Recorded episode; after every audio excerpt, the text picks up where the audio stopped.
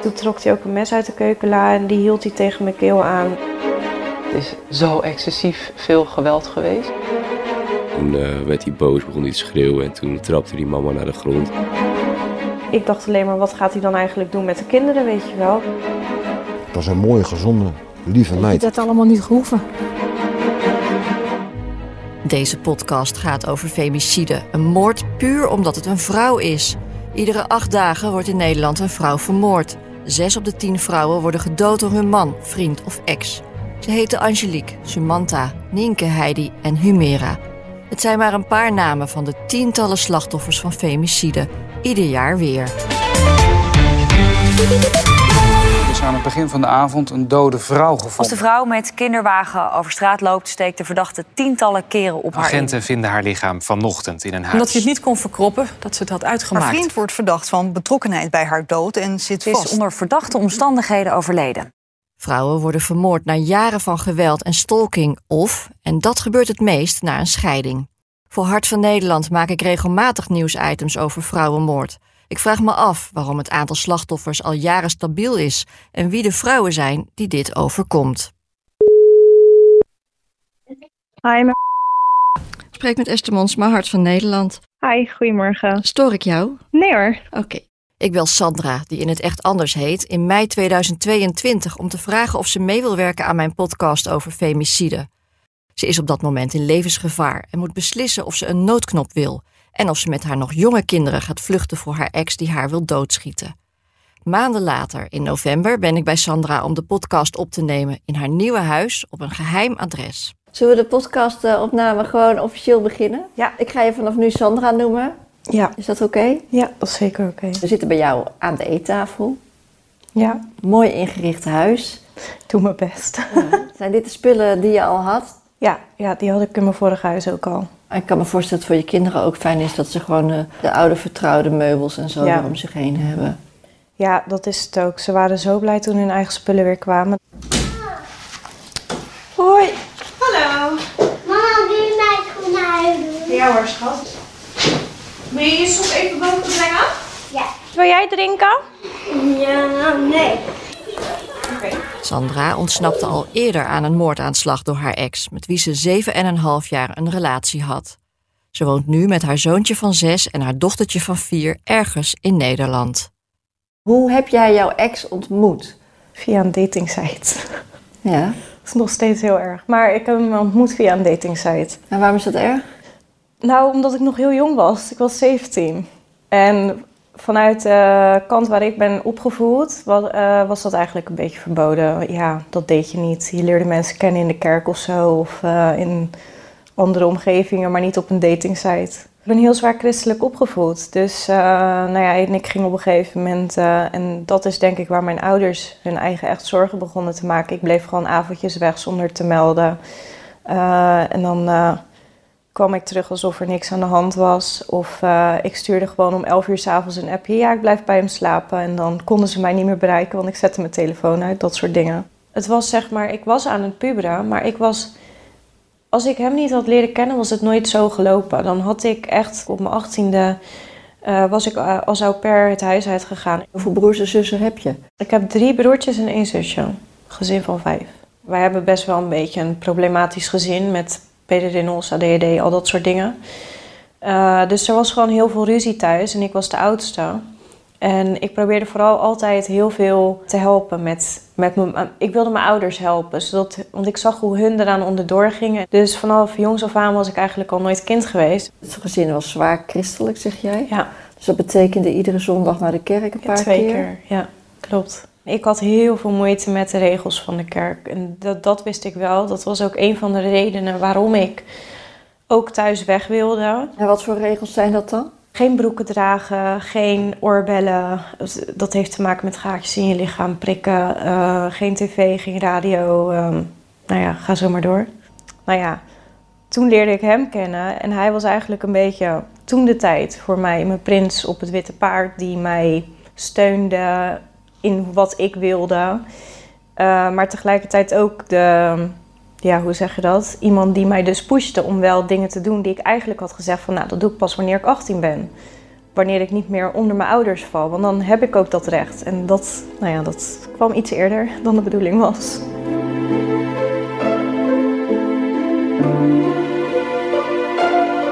Hij was 21, jij was 17. Ja. Hoe oud ben je nu? 26. We hebben eerst gechat, uh, maar hij was wel gelijk van het afspreken en hij woonde toen de tijd niet zo heel ver weg. Dus toen heb ik ook afgesproken. En toen had ik in eerste instantie eigenlijk gezegd na die afspraak dat ik het leuk vond, maar dat ik het niet nog een keer wilde. En uh, ik denk een paar weken later, nou ja, het ging thuis niet helemaal goed, denk ik. Toen had ik hem dus gebeld, hebben we afgesproken ergens en... Hij zat toch in je hoofd? Ja, dat denk ik. En eh, ik kan me ook, die, die fase kan ik me ook echt niet meer heel goed herinneren. Want dat is op een gegeven moment echt een soort zwart gat geworden. Maar uh, wat ik nog wel weet is dat, dat ik dus toen inderdaad met hem had afgesproken. En dat hij gelijk heel erg was van je bent van mij, je bent van mij. Na de tweede keer afspreken. En dat, nou ja, hij hielp me. Ik werd gepest op mijn werk en daar hield hij me een beetje bij. Wat voor werk deed je toen? Ik werkte bij de Albert Heijn als vakkenvuller. Maar ik was in een dorpje en ik moest dus vanwege mijn geloof moest ik altijd een rokje dragen. En ik werd daar altijd heel erg uh, gepest dat ik eigenlijk ja, een hoer was of zo, omdat ik een rok droeg. En het slaat helemaal nergens op. Uh, hij heeft toen ook een keertje volgens mij een appje gestuurd van... Uh, nou, nu moet je kappen en ga je niks meer zeggen. En dat stopte toen ook wel redelijk. En, en toen was hij nog van, je bent helemaal mooi en je bent lief. Je moet je niks aantrekken van anderen. En ik was toen heel onzeker. Dus nou ja, dat, dat komt dan binnen. En ik liet het maar over me heen komen. Eigenlijk is toen eigenlijk een beetje de relatie ontstaan. Waarin ik dus allemaal gekke dingen ging doen uh, naar mijn ouders toe. We hebben ook poosjes geen contact gehad en uh, al dat soort dingen. Het, was, het is echt wel heel erg uit de hand gelopen. Ik was zoveel met hem bezig. Ik heb letterlijk daar... Uh, bij mijn ouders heb ik eigenlijk ook op een gegeven moment alles achtergelaten. En ben ik met hem meegegaan naar ja, naar zijn huis eigenlijk. Nou ja, toen heb ik mijn werk opgezegd. Ik was bezig met mijn rijbewijs, daar ben ik mee gestopt. Echt zo zonde. Hij dwong mij ook heel vaak om whisky te drinken. En als je het hem zou vragen, zou het geen dwingen zijn. Maar je voelde op een gegeven moment geen mogelijkheid meer om nee te zeggen. En, uh, dan Wat zou er dan gebeuren als je nee zou zeggen? Ja, ruzie. Of ik was weer een uh, slappeling of een watje. Of uh, ja, je moet gewoon voor de gezelligheid meedrinken met mij. Je laat me alleen. Allemaal dat soort dingen. Gewoon om te triggeren dat jij denkt, oké, okay, nou, laat ik het maar doen dan. Dus eigenlijk werd je constant gemanipuleerd? Ja. Want uh, het werd niet fysiek? Nee, hij was niet fysiek toen. Maar goed, dat heb ik allemaal gedaan. Vraag me niet meer waarom. Maar uh, omdat ik dacht dat ik de prins op het witte paard had, denk ik. Je voelde je veilig bij hem? Toen wel.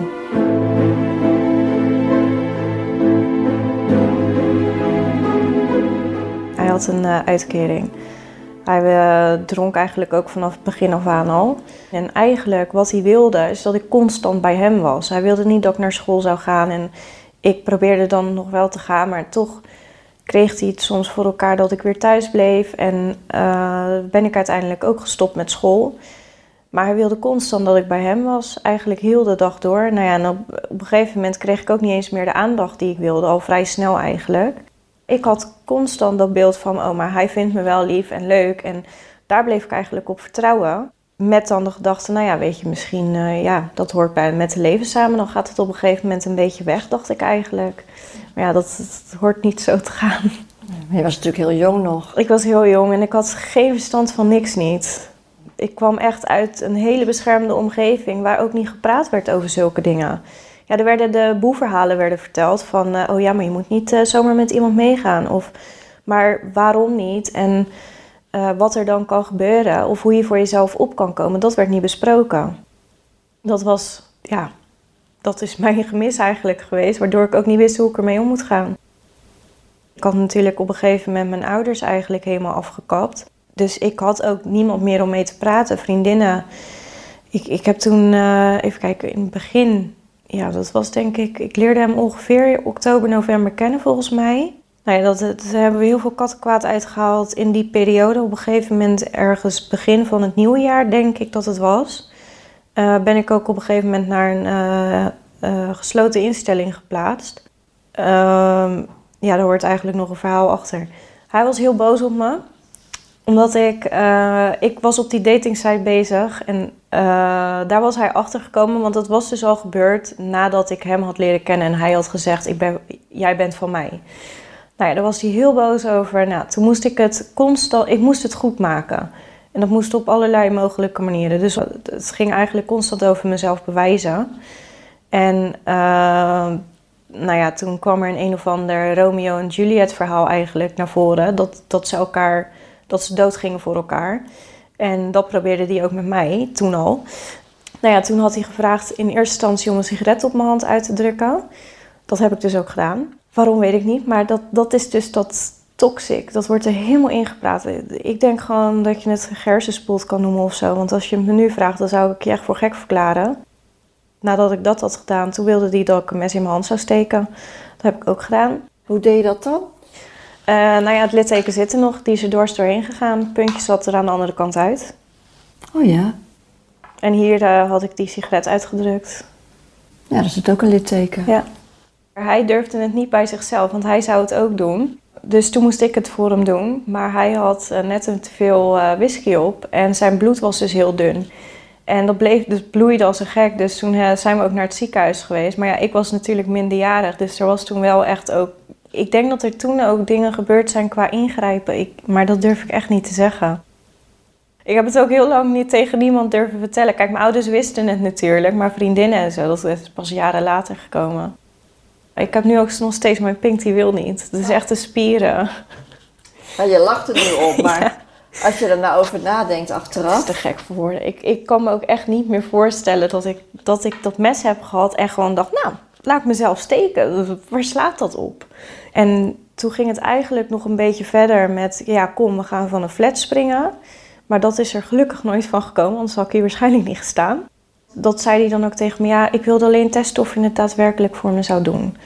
Zo, zo kwam dat dan, weet je wel. En dat, dat zou dan bewijzen hoeveel ik van hem hield.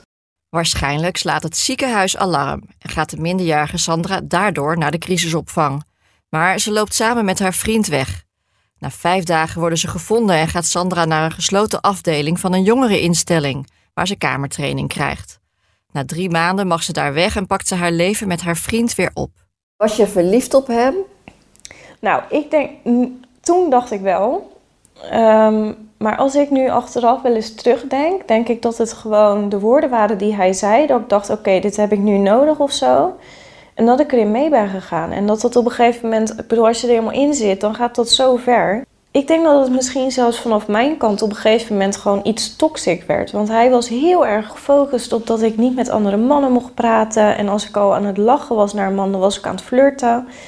En al dat soort dingen. En dat ik op een gegeven moment ook datzelfde bij hem ging doen. Weet je wel, dat hij niet mocht praten met vrouwen. En, want dat, dat verwachtte ik terug dan op die manier. Maar hij had daar gewoon, ja, heel lelijk gezegd, scheid aan, denk ik.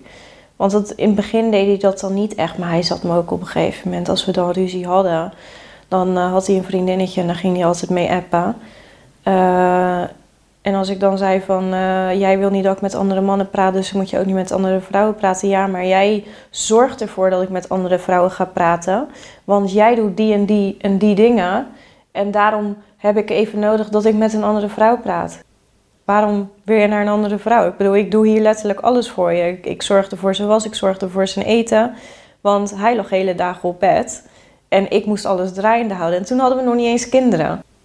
En uh, dan ging hij ze eigenlijk gewoon klaarmaken om naar een andere vrouw te gaan. En dan zei hij van ja, kan je de condooms vinden?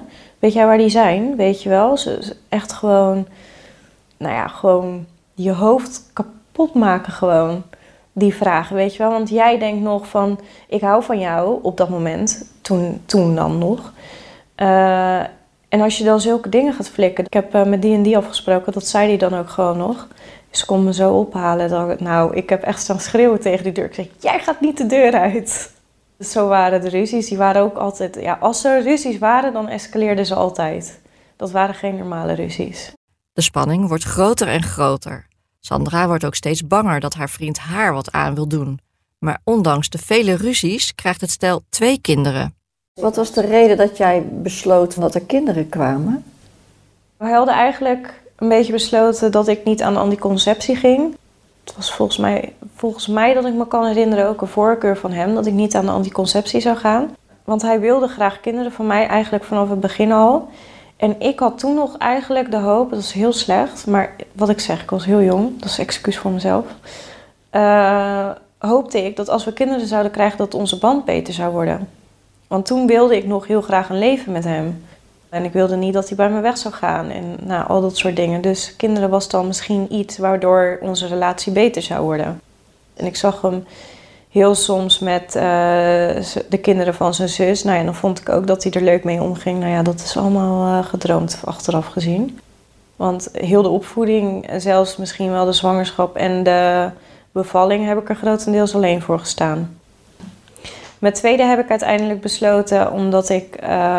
Ik wist toen al dat ik bij hem weg wilde. Mijn relatie was absoluut niet meer goed toen. En toen wist ik ook gewoon, ik wil eigenlijk helemaal niet met deze man blijven. Maar toen heb ik ervoor gekozen, dat heb ik zelfs met een vriendin toen gezegd. Ik zeg, weet je, dan heb ik in ieder geval twee kinderen van één vader. En dan zijn ze echt samen. Dan hebben ze elkaar altijd. Dat was eigenlijk toen de reden.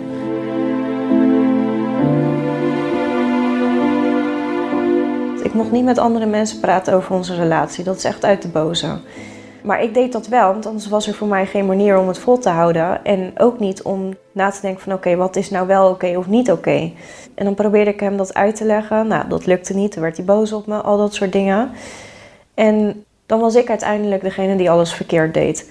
Dan vertelde hij me hoe hij vond dat het moest zijn, of hoe het hoorde, of waar het ook over ging. En dan voelde ik me gewoon knettergek. Dan wist ik niet meer wat waar was. En het enige wat ik dacht, nou, ik ben gek, ik moet maar naar een gekkenhuis. Dat dacht ik echt. Een van de eerste keren dat hij bijna fysiek werd. Hij was zo boos op me, zo boos. Hij heeft lopen ijsberen door de woonkamer en uh, hij wilde zichzelf vermoorden. En op een gegeven moment zat hij tegen zichzelf te praten. Ik mag niet lijken op mijn vader, ik mag niet lijken op mijn vader. En dan kwam hij naar me toe, pakte hij me bij mijn nek. En dan zat hij weer tegen zichzelf te praten. Nee, ik wil niet op mijn vader lijken en het mag niet. En dan liep hij weer weg. Echt probeerde zichzelf tegen te houden om te doen wat hij eigenlijk wilde doen. Zo boos was hij op me. Als je jezelf moet tegenhouden om iemand kwaad te doen, ja, dan, dan hoe lang duurt dat? Hoe lang kan je dat volhouden? Ik was echt doodsbang toen. En daar heb ik ook heel erg last van gehad. En uh, daar heb ik ook wel een poosje met niemand over durven praten. Ik denk dat ik altijd ook een, een onbewuste angst heb gehad, omdat ik wist dat mijn ruzies nooit normaal waren. Uh, dat ik, als ik weg zou gaan, dat het ook echt absoluut niet makkelijk zou worden. En dat gevecht, denk ik, probeer ik misschien ook te vermijden, want daar zitten je kinderen dan natuurlijk uiteindelijk wel tussen. Maar ik probeerde me heel de tijd mezelf aan te praten. Ik moet dit gewoon volhouden totdat de kinderen groot zijn. Totdat ze gewoon een vader en een moeder hadden. Het ging altijd met ups en downs, weet je wel. Soms ging het weer goed, dan ging het weer niet goed. En dan hadden we weer heel veel ruzie, dan weer niet. Dat, dat, dat ging altijd met ups en downs. Waren er ook leuke tijden? We hebben echt wel leuke momenten gehad. Ik zat toevallig uh, vanmorgen filmpjes te kijken, weet je wel. Dat we bijvoorbeeld Sinterklaas hadden. Nou, dat was echt gezellig, ook met zijn zus erbij. Pak dat er eens bij. Even kijken. Heel veel foto's en filmpjes. Van je kinderen met name? Uh, ja, vooral ja. Dit was nou ja, dit soort dingen. Hadden we Sinterklaas vieren.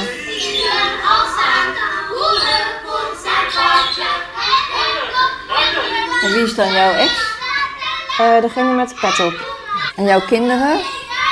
Uh, de krullenbol en mijn dochter hier met dat witte truitje.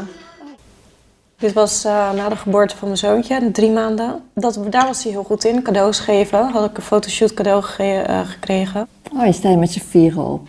Een keer met kerst bij mijn ouders. Toen was mijn dochter nog maar drie maanden oud, denk ik. Ja, ik vind het vooral leuk dat er wel gezinsfoto's zijn voor de kinderen.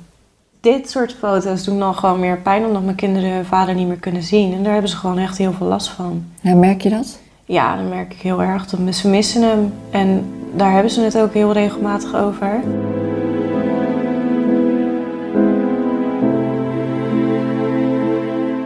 Wat was voor jou nou de druppel? Wat, waar ging het nou echt mis dat je dacht van nu moet ik echt weg? Nou, wij hadden weer een keer een ruzie.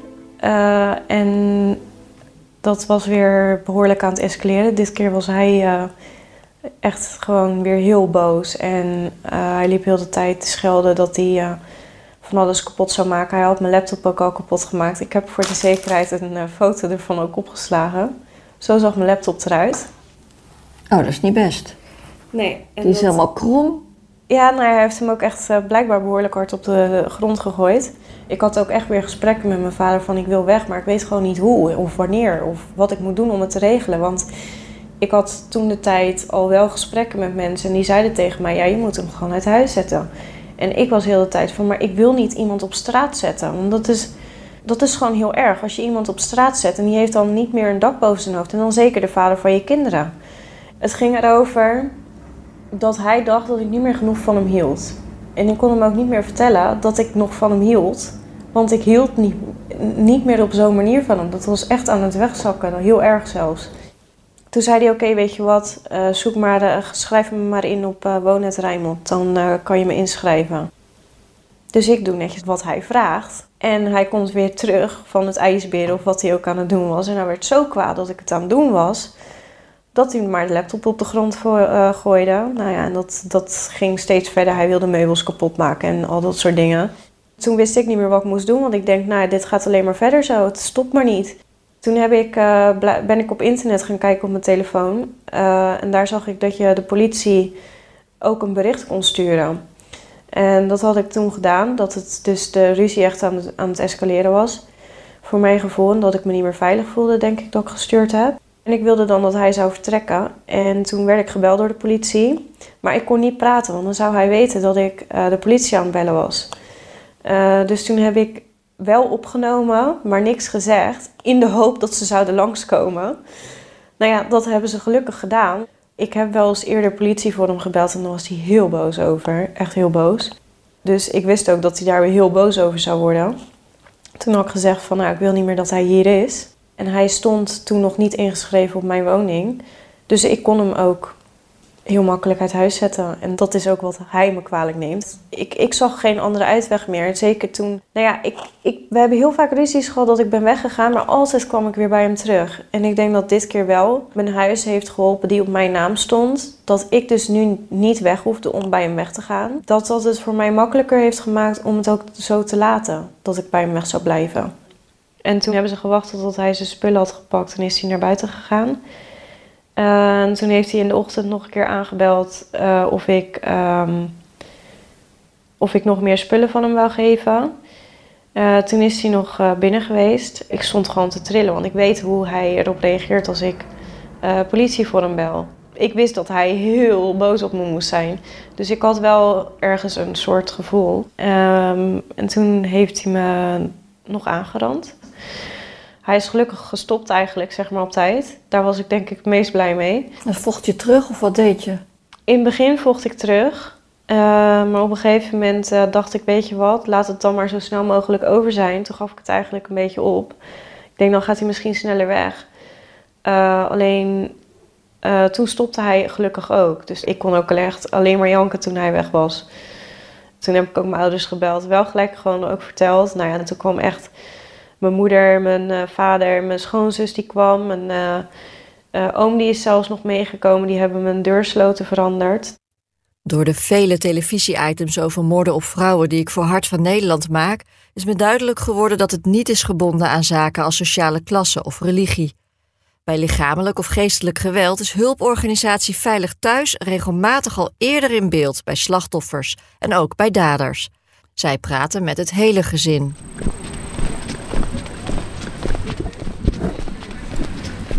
Loop nu in Rotterdam. Ik ben hier op de markt. Het is lekker druk. Veel mensen. Hallo, mag ik u even wat vragen? Voor een podcast van Hart van Nederland. Heeft u wel eens gehoord van Veilig Thuis? Dat heb ik wel eens van uh, gehoord, ja. Veilig Thuis, nee, nee. Ja, die ken ik. Ja. Um, ik vind inderdaad dat, dat je moet weten wat, wat je keuzes zijn en waar je terecht kan voor hulp. Dus het is goed dat Veilig Thuis bestaat? Zeker, zeker. Uiteraard, er moet er wel bescherming voor zijn als, het, als we dat nodig hebben. Ja, dat is heel belangrijk. Elke acht dagen wordt er in Nederland een vrouw vermoord. Wist je dat? Echt waar? Oh, dat wist ik niet, nee. Nederland staat in Europa in de top drie van landen. Oh, dat verbaast me heel erg. Je verwacht het niet van een land als Nederland. Je denkt eerder van, um, ja, uh, derde wereldlanden eerder, waar het heel vaak gebeurt. Het uh, komt denk ik uit een ander milieu dat uh, het meeste. nee. Het gebeurt in alle lagen van de bevolking. Ja, het is heel erg dat het gebeurt. Ja, je kan haast niks denken alleen van wat een idioten. Dat is het. En die mannen, die moeten gewoon, het zijn meestal natuurlijk mannen, die moeten gewoon eerder aangepakt worden. Dank u wel. Fijne dag verder. Ik loop in de Paul Krugerstraat, waar ik een afspraak heb met twee mensen van Veilig Thuis. Even kijken waar ik naartoe moet. Vijfde verdieping, melden bij receptie. En ik ben benieuwd hoe dat gaat als je bij Veilig Thuis aanklopt. Ik stap nu even de lift in.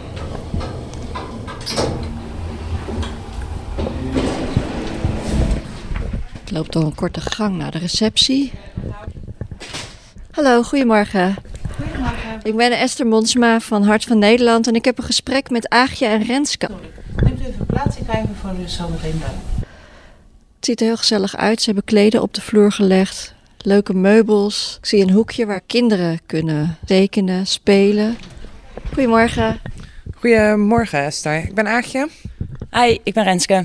Aagje is teamcoördinator van het crisisteam van Veilig Thuis. En Renske heeft als case manager van Sandra gezorgd dat ze in de opvang terecht kwam. Een lange gang.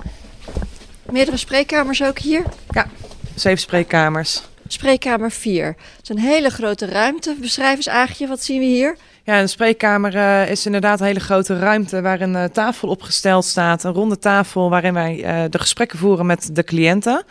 Daarnaast is deze kamer ook ingericht voor als er kinderen zijn, zodat de kinderen ook kunnen spelen.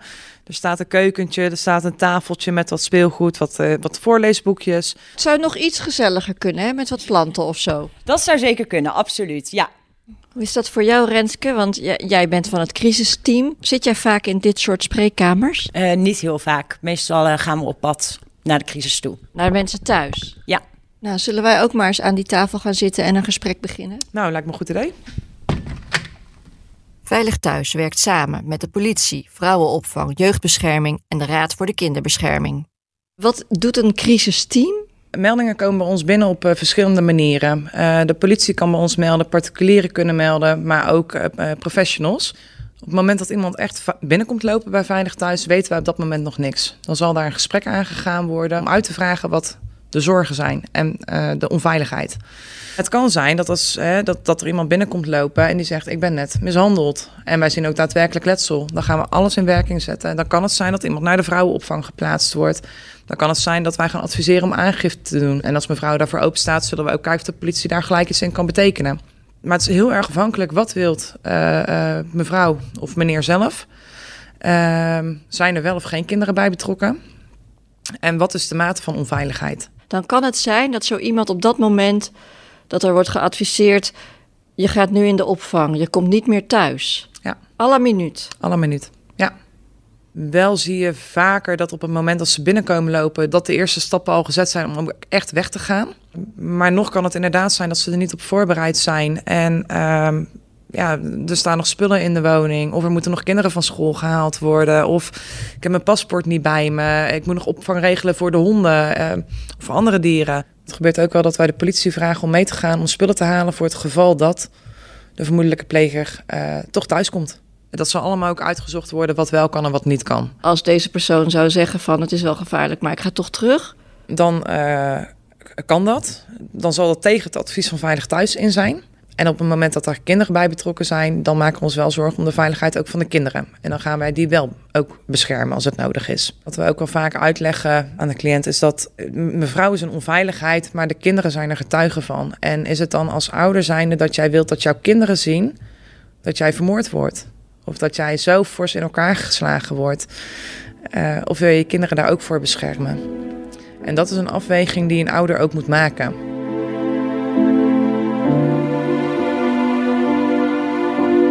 Nadat Sandra hem uit hun huis zet, is haar ex dakloos. Hij zoekt vaak contact en probeert Sandra onder druk te zetten, bijvoorbeeld dat hij zelfmoord gaat plegen. In 2021 krijgt Veilig Thuis bijna 46.000 meldingen van partner of ex-partner geweld. En er worden meer dan 30.000 adviezen gegeven. Sandra valt ook onder deze cijfers. Zij krijgt een dringend advies van Veilig Thuis in januari 2021, nadat haar ex haar naar het huis van een vriend lokt waar hij logeert. Hij wilde graag de kinderen zien, en maar had geen geld of zoiets. Of hij moest thuis zijn, ik weet niet wat het was. Dus hij zou ze opkomen halen bij het metrostation. Nou, toen kwam ik daar aan, toen was hij er niet. Dus toen zei hij van ja, kan je me tegemoet lopen? Dat heb ik gedaan. En de bedoeling was dat ik gelijk weg zou gaan. Uh, maar toen ik aankwam uh, bij waar hij was, toen zei hij van ja, maar kan je alsjeblieft niet mee? Want ik heb een uh, probleem met de tv en anders kunnen de kinderen geen tv kijken. toen ben ik toch maar meegegaan met een beetje horten en stoten. En toen kwam ik daar, toen heb ik die tv gemaakt en ik dacht nou, dan ga ik gelijk weg. Toen vroeg hij mij of ik nog een brief wou lezen, want hij wilde dan met mij in mediation. Een soort van relatietherapie. Een soort van relatietherapie om eruit te komen voor de kinderen. En hij had dus een brief geschreven wat, wat hem dan bezighoudt. En dat wilde hij dan aan mij alvast laten lezen, zodat ik dat wist. Maar ik moest die brief in de keuken lezen. Dus ik ging die brief lezen. Nou ja, en daar stond in uh, hoe hij me wilde neerschieten met een 9 mm. Hoe hij me dood wilde maken. Wat hij precies allemaal heeft opgeschreven, dat durf ik ook niet meer te zeggen. Die brief die heeft hij na de rand weer afgepakt. Omdat ik hem op straat had gezet en heel zijn leven eigenlijk had afgepakt. En hij vroeg al een aantal keer, ben je klaar met lezen van de brief? Ik had ook helemaal niet door op dat moment van, hij gaat echt dingen doen. Dus ik zeg nee, nog niet. En op een gegeven moment uh, was ik dan wel klaar. Nou, en toen voelde ik in één keer twee handen om mijn nek van achter. Werd ik op de grond gegooid en uh, begon hij op me te zitten en te wurgen en uh, al dat soort dingen. Het eerste waar, waar hij naar greep is mijn telefoon afpakken. Dat probeerde ik zo krachtig mogelijk als ik kon tegen te houden. Want ik dacht, dat is mijn middel om mensen in te schakelen. Maar ja, dat, hij was sterker dan ik en dat lukte niet ja, ik, ik weet ook echt niet hoe lang alles geduurd heeft. Maar hij zat op me, wilde me wurgen. En op een gegeven moment moest ik gaan uh, zitten. Toen bloeide mijn neus. Dat moest ik afvegen. Uh, want anders dan werd hij helemaal uh, gek. En dan wilde hij me helemaal doodmaken, zei hij. dus toen heb ik dat afgeveegd met een hele vieze keukendoek. Dat weet ik nog wel. En um, ja, toen moest ik gaan staan volgens mij toen begon hij heel erg met praten. Met, met hoe boos hij op me was en wat ik hem allemaal had aangedaan. Mijn dochter is wel nog binnenkomen lopen toen hij bovenop me zat uh, te wurgen. Maar hij heeft haar toen weggestuurd. En de rest weet ik eigenlijk niet. Wat hun wel of niet hebben meegekregen, dat weet ik echt niet. In die woning was een heel groot raam. Toen dacht ik nog van, kan ik daar niet doorheen springen als ik heel hard spring? Maar ik dacht, ja, ik kan mijn kinderen niet meenemen als ik daar doorheen spring. Dus dat, dat was allemaal geen optie. En toen trok hij ook een mes uit de keukenla en die hield hij tegen mijn keel aan en al dat soort dingen. Dus ik denk, nou ja, mijn leven is voorbij, het is klaar. Ik weet niet wat hij met mijn lichaam gaat doen, maar ik denk dat het klaar is of zo. En ik dacht alleen maar, wat gaat hij dan eigenlijk doen met de kinderen, weet je wel? Ja. En toen zei ik, probeerde ik hem om hem rustig te maken. Oké, dan kom je toch weer thuis wonen, weet je wel. Um, in de hoop dat hij rustig zou worden. Dat ik daarmee iets kon bereiken. Nou ja, en dat scheen uh, op een gegeven moment langzaam aan te werken. In het begin nog niet, toen was hij echt nog heel boos. Maar op een gegeven moment begon dat te werken. Maar dan moest ik wel mezelf uh, bewijzen. Toen zei hij eigenlijk van, uh, ja, je zou me bijvoorbeeld kunnen knuffelen of kunnen zoenen. Nou ja, toen wist ik al dat een man wilde wat een man wil. dus dat heb ik denk ik, zo goed en zo kwaad als ik kon gespeeld dat ik dat wilde. Ja, en toen uiteindelijk kwam die vriend van hem thuis. Dus toen moest ik heel snel weg. Maar hij zou de kinderen meenemen, zeg maar, die kant op. Want die vriend dacht dat alleen de kinderen waren geweest. Dus ik moest omlopen. En dan um, de kinderen daar, zeg maar, zogenaamd komen ophalen. Uh, en toen is hij nog meegelopen naar de kruidvat. En er schenen krassen op mijn gezicht te zitten. Dus hij zei ook dat ik dat een beetje moest verbergen en dat ik het tegen niemand moest vertellen. Want dat was een dreigement heel de tijd. Tijdens het praten ook over wat ik hem had aangedaan. Uh, dat ik niet met iemand mocht gaan praten. En als ik dat zou doen, uh, dat ik heel mijn leven achter mijn rug om mag kijken. En dat het een, dat het een keer, uh, dat hij het een keer zou afmaken. Dat hij me dan echt een keer dood zou maken. Wat had jij dan volgens hem aangedaan?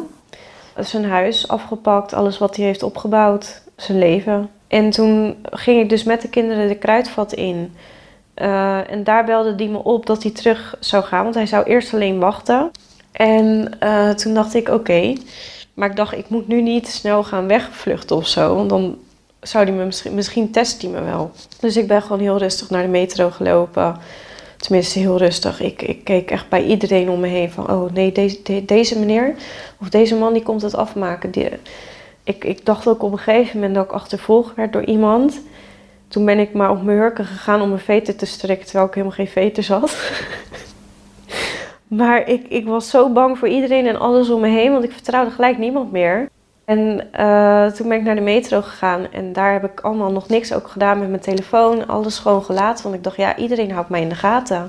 Sandra alarmeert uiteindelijk onderweg haar familie en die halen haar op. Zij zorgen dat haar spullen uit haar huis worden gehaald. Na twee weken bij haar ouders gaat ze toch terug. Haar moeder gaat mee. Toen kwam uh, Veilig Thuis bij mij op gesprek, de dag dat ik thuis kwam al. Die waren ingeschakeld al überhaupt door um, hulpverleners. Hij had in de tussentijd had hij ook bij de hulpverlening volgens mij aangegeven van... zij kan zomaar de kinderen meenemen overal naartoe, maar ik kan dat ook. En dat zagen hun als een... Ik, ik weet niet hoe het precies gezegd is, maar hun zagen het als een dreigement... dat hij dus de kinderen zou gaan ontvoeren. Toen is Veilig Thuis bij mij op gesprek geweest... Twee dagen later hadden hun een overleg met, met een heel team. Politie zit daarbij, weet ik veel wie allemaal. En die dag werd ik eigenlijk gebeld van... Uh, ja, we vinden het veiliger als jij naar een opvang gaat. En ik kon dus ook diezelfde dag mijn uh, spullen inpakken. Uh, en daar begon het traject van zes maanden opvang. En hij had op een gegeven moment gezegd dat hij wist waar ik zat. dus was het ook niet veilig om naar buiten te gaan. En, had jij ondergedoken? Met ja. je kinderen? Want die gingen ook niet naar school dan, denk ik. Nee, die gingen ook niet naar school, nee. Die hebben sowieso twee maanden uh, in de opvang binnen gezeten. Maar dan ook echt binnen. We hadden een tuin om in te spelen, maar we kwamen verder nergens. Het is echt nodig omdat Sandra's leven in gevaar is, volgens de inschatting die Veilig Thuis maakt. Dus wat je dan krijgt, is dat je in eerste instantie wel in de Rotterdamse in de opvang gaat. Uh, met een kleurcode noemen wij code rood. En vanuit code rood word je doorgeplaatst. En dan mag je ook in de tussentijd dat jij dus in de opvang zit, niet naar buiten. Omdat het in Rotterdam zelf te gevaarlijk is. En dan is het heel heftig om daar te zitten. Want ja, dan zit jij dus op zo'n groep met misschien wel 20 vrouwen en 13 kinderen om je heen. En je mag niet naar buiten. Andere kans, als je naar buiten gaat, dat je misschien alsnog neergeschoten wordt. En dat maakt dat wij dan heel streng zijn in die restricties. Ja, ik kan me alleen wel voorstellen dat het voor vrouwen heel erg moeilijk kan zijn. Alles wordt je afgenomen. In Rotterdam, de stad waar Sandra vandaan komt, is na de moord op de 16-jarige Humera in 2018 veel veranderd als het gaat om vrouwenmoord, huiselijk geweld en stalking. Humera stapte tientallen keren naar de politie vanwege de bedreigingen van haar ex. Hij schoot haar dood in de fietsenstalling van haar school. Het was een vooropgezet plan, zo zegt justitie destijds. Deze zaak kent een veel langere aanloop en hij was er veel langer mee bezig. Hij had ook al verschillende doodsbedreigingen geuit richting Humera. In een onderzoeksrapport naar de gemaakte fouten in deze zaak blijkt dat politie, justitie en instanties als Veilig Thuis te weinig hebben gedaan om Humera te beschermen. Een positieve verandering is een speciaal centrum voor huiselijk geweld en kindermishandeling, Filomena. Mensen kunnen daar naar binnen lopen en die um, worden daar gelijk gezien door alle partijen die van belang zijn. Politie is daar aanwezig, een forensisch arts is daar aanwezig, vertrouwensartsen, Veilig Thuis zit daar. Er zit een case manager vanuit Filomena. En die kunnen gelijk met een vrouw of een man of met kinderen aan de slag. Er zullen gesprekken plaatsvinden en de case manager zal naast de cliënt blijven staan. En daarnaast biedt Filomena ook de langdurige trajecten, hulpverleningstrajecten, waarbij ze samen met de cliënten, met het gezinssysteem gaan kijken hoe ze het uh, patroon van huiselijk geweld kunnen doorbreken. Om de relatie te herstellen. En dat is, hoeft niet per se dat ze bij elkaar blijven. Het kan ook zijn dat het gaat om partners die uit elkaar gaan, maar die wel kinderen hebben. Dus hoe ga je dan weer zorgen dat er een veilig contact kan zijn? Een veilig thuis voor iedereen. Gebeurt dat uh, vaak dat mensen dan toch nog weer gelukkig met elkaar worden? Ik denk dat het zeker wel kan. Ik denk dat er alleen uh, patronen doorbroken moeten worden. En uh, afhankelijk hoe ver jij in je relatie zit, in de geweldsrelatie, of het ook nog haalbaar is. Eigenlijk zouden mensen eerder aan de bel kunnen trekken. Ja. Ik zie Renske ook knikken. Ja, Ja, ik denk het wel. Hoe langer het patroon duurt natuurlijk, hoe moeilijker het ook is om het te doorbreken. En als je in het begin daarvan bent, kan je met de juiste hulp daar makkelijk of beter aan werken, denk ik. Iedereen kent wel de term blijf van mijn lijfhuis. Kan je dat beschrijven hoe dat is als je in zo'n opvang woont? Alleen maar vrouwen natuurlijk. De plek waar ik zat is meestal met uh, kinderen ook. Er zijn ook vrouwen zonder kinderen. Heel vaak vrouwen die in een opvang komen, die komen net uit de situatie. En die, die, die zijn nog nieuw met alles. En de eerste keer dat ik in de opvang zat, ja, uh, daar zie je gewoon heel veel vrouwen tussen. Altijd met verschillende verhalen. Wordt er veel gepraat? Heb je veel steun aan elkaar in zo'n opvang? Als je dat opzoekt wel. Dan kan, dan kan je er wel echt steun aan hebben. Dan moet je wel ook de klik hebben met de vrouwen. In de eerste opvang. Ik werd niet echt op mijn gemak gesteld. En zeker niet vanuit de situatie waar je vandaan kwam. Ik voelde me die eerste dag gewoon echt een beetje zo van... Nou, je zit hier nu en bekijk het maar. Uh, is later wel weer goed gebreid. Maar dat had ik in het begin wel echt heel erg. En dat vond ik zo erg. En ik zat daar opgesloten als een van de weinigen. Ik mocht er echt niet weg. Dus ik was daar hele dagen. Ik liep maar hele dagen rondjes door die gangen, weet ik veel wat. Dus als er een nieuwe vrouw kwam, dan probeerde ik juist heel erg van... Nou, hoi, als je iets nodig hebt, vraag het maar, dat soort dingen. En ja, we hebben heel wat avonden hebben we buiten gezeten. Gingen we lekker wat drinken en dan... Uh, ja, dan was het ook wel eigenlijk echt gezellig. En dan kan je ook wel echt steun aan elkaar hebben, weet je wel. Je kan elkaars verhaal vertellen, je kan naar elkaar luisteren en dan heb je ook daadwerkelijk op dat moment steun eraan. En de kinderen kunnen met elkaar spelen? Ja, kinderen kunnen met elkaar spelen. Vrouwen die daar komen, die hebben altijd gewoon behoorlijk wat meegemaakt. En die kinderen ook. En die kinderen bij elkaar zetten, zorgt ervoor dat ze allemaal eigenlijk een beetje van het padje afgaan. Dat merk je ook wel echt. En wat voor opzicht? Slechter luisteren. Ze nemen gedrag van elkaar over, maar dan niet het goede gedrag, maar het slechte gedrag. Weet je wel? En dat is niet te wijten aan de kinderen die, dat, die misschien dat slecht hebben, want die hebben ook juist heel veel meegemaakt. In ieder geval de meiden waar ik mee in de opvang heb gezeten, ze zeggen het allemaal. Kinderen die gaan gewoon, die worden heel anders wanneer ze in opvang zitten, gaan echt heel veel slechter luisteren. Het is gewoon geen goede leefomgeving voor kinderen. En toen hebben we daar zes maanden gezeten, in totaal. Nou ja, en toen ben ik naar huis gegaan met allemaal veiligheidsafspraken en uh, straatverbod. Er is ook een contactverbod geweest, volgens mij. Want jij hebt aangifte gedaan bij de politie van dat wurgen ook? Ja, ja, klopt. Daar heb ik aangifte van gedaan, maar daar is niks uitgekomen. Want het is binnen vier muren gebeurd en daar kunnen ze, daar kunnen ze dan niks mee. Ik had wat krassen op mijn gezicht uh, en mijn keel was echt wel dik van het wurgen. Um, maar ja, dat was niet bewijs genoeg. En hield hij zich aan het straatverbod? Ik heb hem nooit zelf in de straat gezien. Of hij er is geweest, dat durf ik niet te zeggen. Maar ja, dat, ik vind een straatverbod is maar een stukje papier. Er staat geen politie bij jouw straat te wachten totdat hij daar komt. Dus je weet het gewoon niet. Toen was ik wel echt nog heel bang. Uh, ja. En op een gegeven moment uh, uh, was ik eigenlijk een beetje bezig met het feit van... zolang ik bang ben, heeft hij mij nog onder controle. En dat wilde ik niet meer. En daar ben ik toen op gaan focussen. Want ik heb in het begin echt wel gehad dat ik echt... Nou ja, dan liep ik de roltrap op bij de markthal... En dan dacht ik, dan rende iemand achter mij de trap op en dan schrok ik, oh shit, hij is er, weet je wel. Maar daar was ik zo klaar mee. Toen ik dat ook besefte, toen was ook in één keer eigenlijk die knop om. Toen dacht ik echt van, nou weet je, ik wil helemaal niet dat hij controle over mij heeft. En het werkte echt wel. Het wilde niet zeggen dat ik nooit meer die angst had. Maar ik wist hem wel daarmee, zeg maar, weer naar beneden te halen van... Nee, als het gebeurt, dan gebeurt het. Maar ik wil genieten van mijn leven. Zo heb ik ook gewoon op een gegeven moment mijn leven geleefd in de periode dat ik in mijn eigen huis was. En dan was ik echt, ja, het ging steeds beter. En toen heb ik op een gegeven moment traumabehandeling gehad. Uh, toen had ik op een gegeven moment een leuke baan gekregen. Wat voor baan? Ik werkte op het vliegveld in Rotterdam, op de, in de horeca. De kinderen gingen naar school en alles ging gewoon eigenlijk goed. Ik was, ook, ik was ook echt weer gelukkig. Ik was echt heel gelukkig gewoon met mijn leven daar ik weet dat ik wel heel veel toen met hulpverleners ook nog heb gesproken. Want ik zei tegen hun, ik zeg, ik ben niet bang. Maar ik zeg, ik weet dat er een keer iets gaat gebeuren. Dat gevoel had ik heel de tijd. Nou ja, en toen op een gegeven moment kreeg ik een melding van Veilig Thuis. Dat hij gevonden was onder invloed van overmatig drank- en drugsgebruik. Uh, en toen begon ik me wel weer een soort van een beetje zorgen te maken. Omdat ik dacht van, nou weet je, wat hij met mij wil doen, dat is sowieso nog niet weg uit zijn hoofd.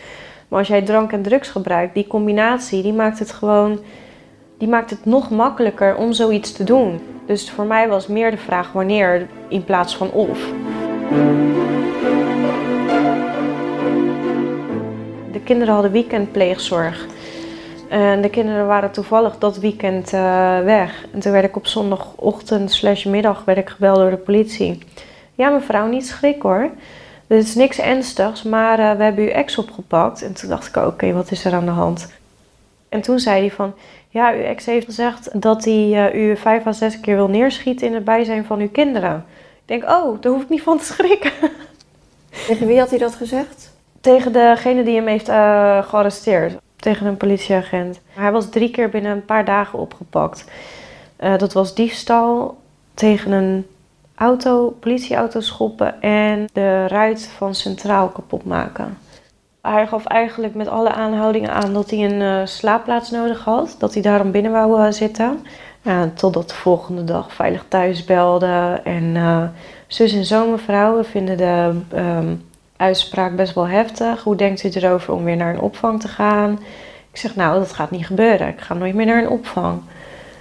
Ja, en hoe zou je erover voelen als u moet verhuizen of, of dat soort dingen, of tijdelijk bij iemand anders? Ik zeg, nou, dat wil ik allemaal niet. Ik heb net mijn leven hier op orde. Ik heb een hele leuke baan. Ik wil niet weg. Dat was in mei, want de eerste keer dat ik jou belde, toen vertelde jij meteen van dat Veilig Thuis had gebeld, van Ja. dat ze wilden dat jij ging Ja. verhuizen, misschien een noodknop zou nemen. Ja, dat was toen net, eh, net gebeurd inderdaad allemaal. Bij Veilig Thuis is de melding van de politie binnengekomen. En vanuit daar bleek dat er informatie was waardoor zij echt heel veel gevaar liep. Meneer zat in de tussentijd vast. En dat gaf ons allemaal ruimte en tijd. Want de acute dreiging is daarmee weg. Het was alleen wel zo dat het niet bekend was wanneer meneer vrij zou komen. Vanuit daar zijn we gaan kijken, joh, wat als hij vrijkomt, wat gaan we dan doen? We hebben veel gesprekken met haar gevoerd. Ook om te kijken wat is er nou mogelijk voor jou. Ook, hè, zij wilde heel graag binnen de regio blijven. Ehm, maar uiteindelijk ja, is dat waar we het eerder over hadden. Hè, kan je soms ook gewoon geen veiligheid waarborgen binnen de regio. Dat betekent dat zij alles achter zich laat. Alles. Ja. ja. Alles. Dus dat is ook geen lichtzinnig advies van jullie. Nee. Nee, zeker Dat geven we ook niet zomaar. In het begin was ik echt nog heel erg van, ja, er moet een andere manier zijn. Het kan niet dat iemand die jou dit wil aandoen, ervoor kan zorgen dat ik maar alles moet achterlaten. En ik bedoel, ik heb niks gedaan. Ik, ja, ik heb hem uit huis gezet. maar ik bedoel, ik heb hem niet eh, gezegd dat hij dit moet doen. Waarom moeten wij, waarom moet ik, en dan speciaal de kinderen, waarom moeten de kinderen alles opgeven wat ze hebben? Wat ze leuk vinden, wat ze, ze, hun vriendinnetjes, vriendinnetjes, hun favoriete huis, alles. Dat is gewoon weg. En dat vond ik echt het meest erg. Ik dacht van, er moet toch een andere manier zijn. Hoe meer ik gesprekken had met iedereen, dacht ik van, ja weet je, ik kan hier- mij hier heel lang gaan druk over maken. Eh, en ik had toen ook weer een keer een gesprek met iemand die zei ook tegen mij, ja weet je, je kinderen gaan boven alles. En dat was voor mij dat ik dacht van, eh, ik kan mijn kinderen niet aandoen dat hun hun moeder kwijtraken. Eh, dan hebben hun een trauma die ze voor hun hele leven niet meer gaan verwerken. En dan wil jij niet weten wat er met die kinderen gebeurt.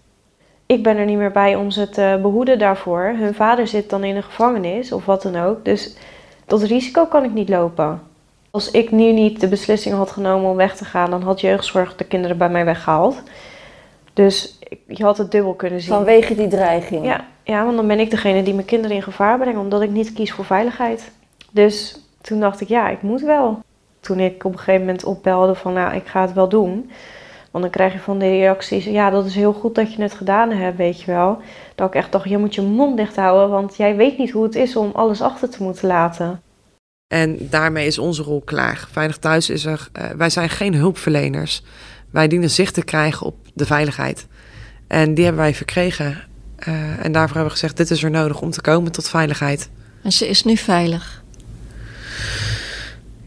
Eh, We hopen het. Maar ja, je weet natuurlijk nooit wat, wat iemand nog kan doen. Maar ik denk dat daar ook een strafrecht iets mee zal moeten. En dat daar veel, al veel eerder bij eerste signalen iets opgelegd moet worden. Uh, omdat ook wat Sandra aangeeft is... Uh, ik moet iedere keer vluchten, maar hij hoeft niks. Dan denk ik, nou, zodra een vrouw mishandeld wordt, aangifte doet, heb je een strafbaar feit. Uh, bewijsbaar of niet bewijsbaar. Als er meerdere aangiftes liggen, heb je een patroon. Bij zo'n eerste aangifte, daar moet al hoog ingezet worden met hulpverlening. Dus je hoeft hem niet van mij achter de tralies te zetten, maar die gedwongen verplichte hulpverlening. Net zoals dat als, als je met veel te veel alcohol oprijdt, krijg je ook een cursus die je verplicht moet volgen. Nou, als jij je partner mishandelt, dan moet jij verplicht een, uh, een hulpaanbod gaan accepteren. Doe je dat niet, heeft dat consequenties. Nou, dat klinkt als een goed idee. Mijn collega politiek verslaggever Merel Eck heeft, na maanden aandringen bij het ministerie van Veiligheid en Justitie, aan minister Weerwind van Rechtsbescherming gevraagd wat het Nederlandse beleid is. Femicide, wat doet uw ministerie om uh, dat te voorkomen? Maar ik vooropstellen, alle ministeries werken hieraan. Ja, ik weet dat één keer in de eenmaal per week uh, vindt een uh, moord op een vrouw plaats. Dat is veelal de partner, de ex-partner, de vriend. Heel ernstig. Femicide, maatschappelijk vraagstuk. De coördinatie ligt uh, bij mijn collega Kuipers van VWS. En dus stelt Merel de vraag aan minister Kuipers van Volksgezondheid, Sport en Welzijn. Er wordt heel veel naar uw ministerie verwezen als het gaat om femicide. Zegt u dat iets? Nee, help me heel even. Femicide, de moord op vrouwen. Zes op de tien vrouwen wordt vermoord door een partner of een ex-partner of een man.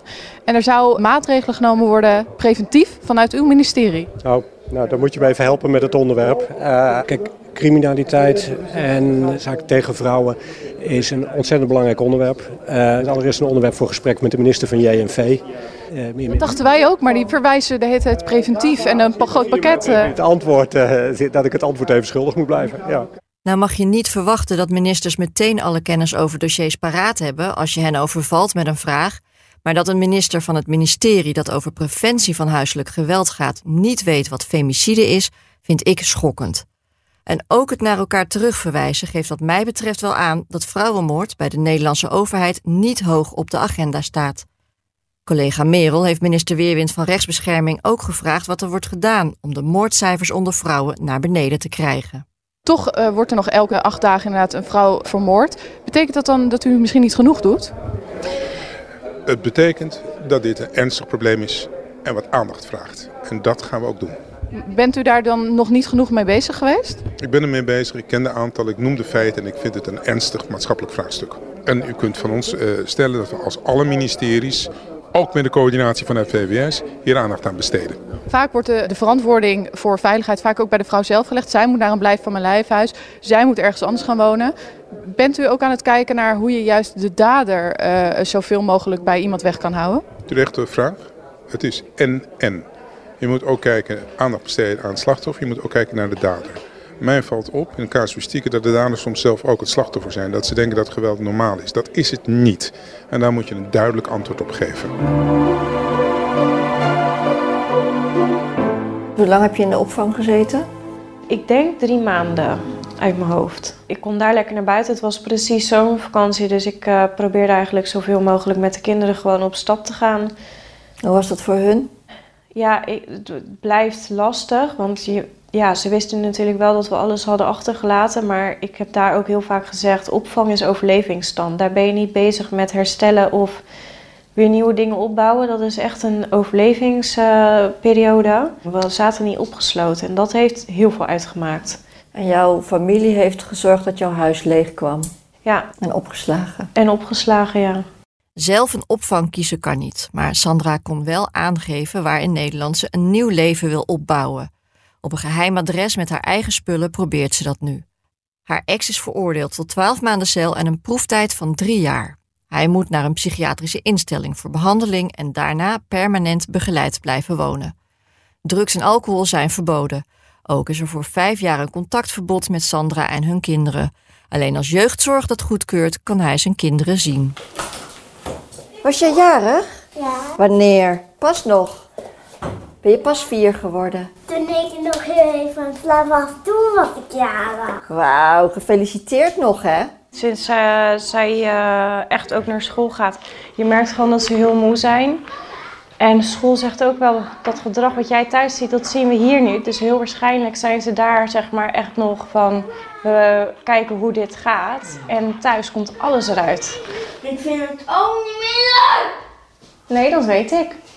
Maar ik heb al gezegd, ik ga straks met je helpen zoeken. Stoppen nu. Je gaat nu naar boven en je gaat daar maar even rustig worden. Je gaat niet raar doen hier. Naar boven. Lopen.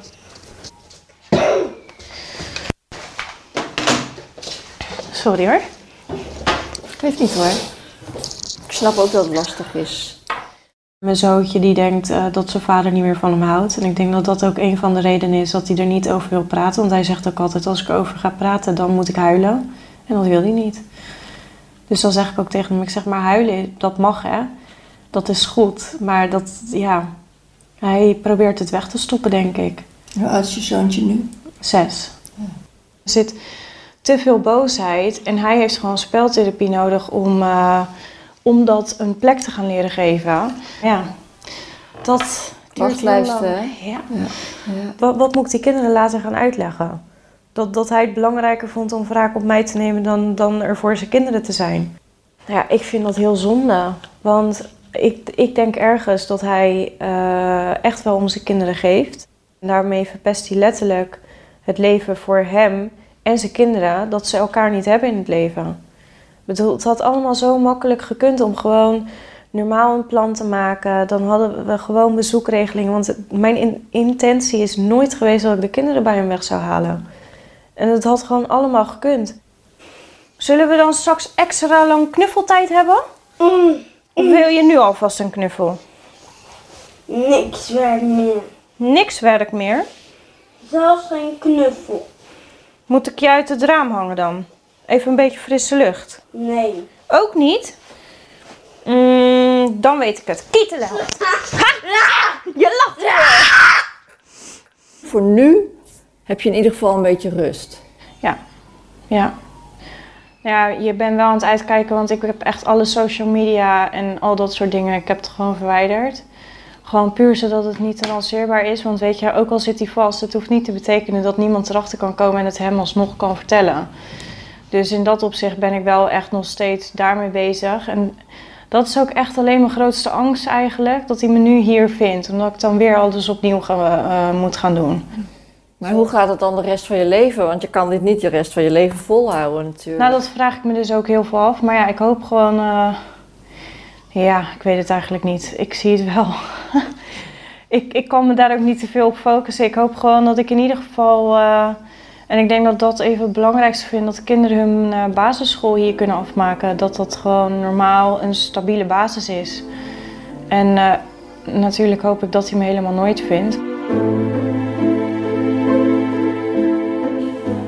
Ik denk dat hulpverleners het goed willen doen en dat ze hun best daarvoor proberen te doen. Maar het punt is de wetgeving. Als de wetgeving zou veranderen, dan zou er eens een keer gelijk al wat kunnen gedaan worden aan de daders in plaats van aan de slachtoffers. Dat is gewoon, het, het is letterlijk omgedraaide wereld. Waarom moeten wij alles inleveren? Ik bedoel, jij- hij is toch de dader, niet wij? Als vrouwen zijn, ik praat even voor de vrouwen. Ik snap heus wel tot een bepaalde hoogte dat er bewijs moet zijn. Ik ben niet gek. Maar als, als jullie zo vaak meldingen krijgen, dan waarom, waarom is het zo vaak te laat? Als er elke acht dagen een vrouw wordt ver- vermoord. Elke acht dagen, weet je hoeveel vrouwen dat zijn in een jaar? Als ik dan nadenk over dat het bij mij net zo had kunnen zijn. En dat ik er nu nog ben en dat ik een kans heb gekregen om weg te gaan. Dan denk ik dat dat, eh, als je zulke cijfers hoort, heel goed is geweest. Deze podcast is gemaakt door Esther Monsma. Eindredactie doet Irene Jansen. Productie is in handen van Daniel Bom. De grafische vormgeving is gemaakt door Femke Goudriaan. Dank gaat uit naar emeritus hoogleraar Gender-Based Violence René Rumkens, Merel Eck en Elin Stil. Maar vooral naar Sandra, die het aandurfde om haar verhaal te vertellen. Wil je na deze podcast praten over huiselijk geweld? Dan kan je terecht op de website van Veilig Thuis. Bellen kan 24 uur per dag, gratis, via 0800 2000. De kindertelefoon bel je op 0800 0432. Wil je reageren op de podcast? Mail dan naar hvnlpodcast.talpanetwork.com. Vind je hem de moeite waard? Like hem in onze app en deel de podcast met je vrienden.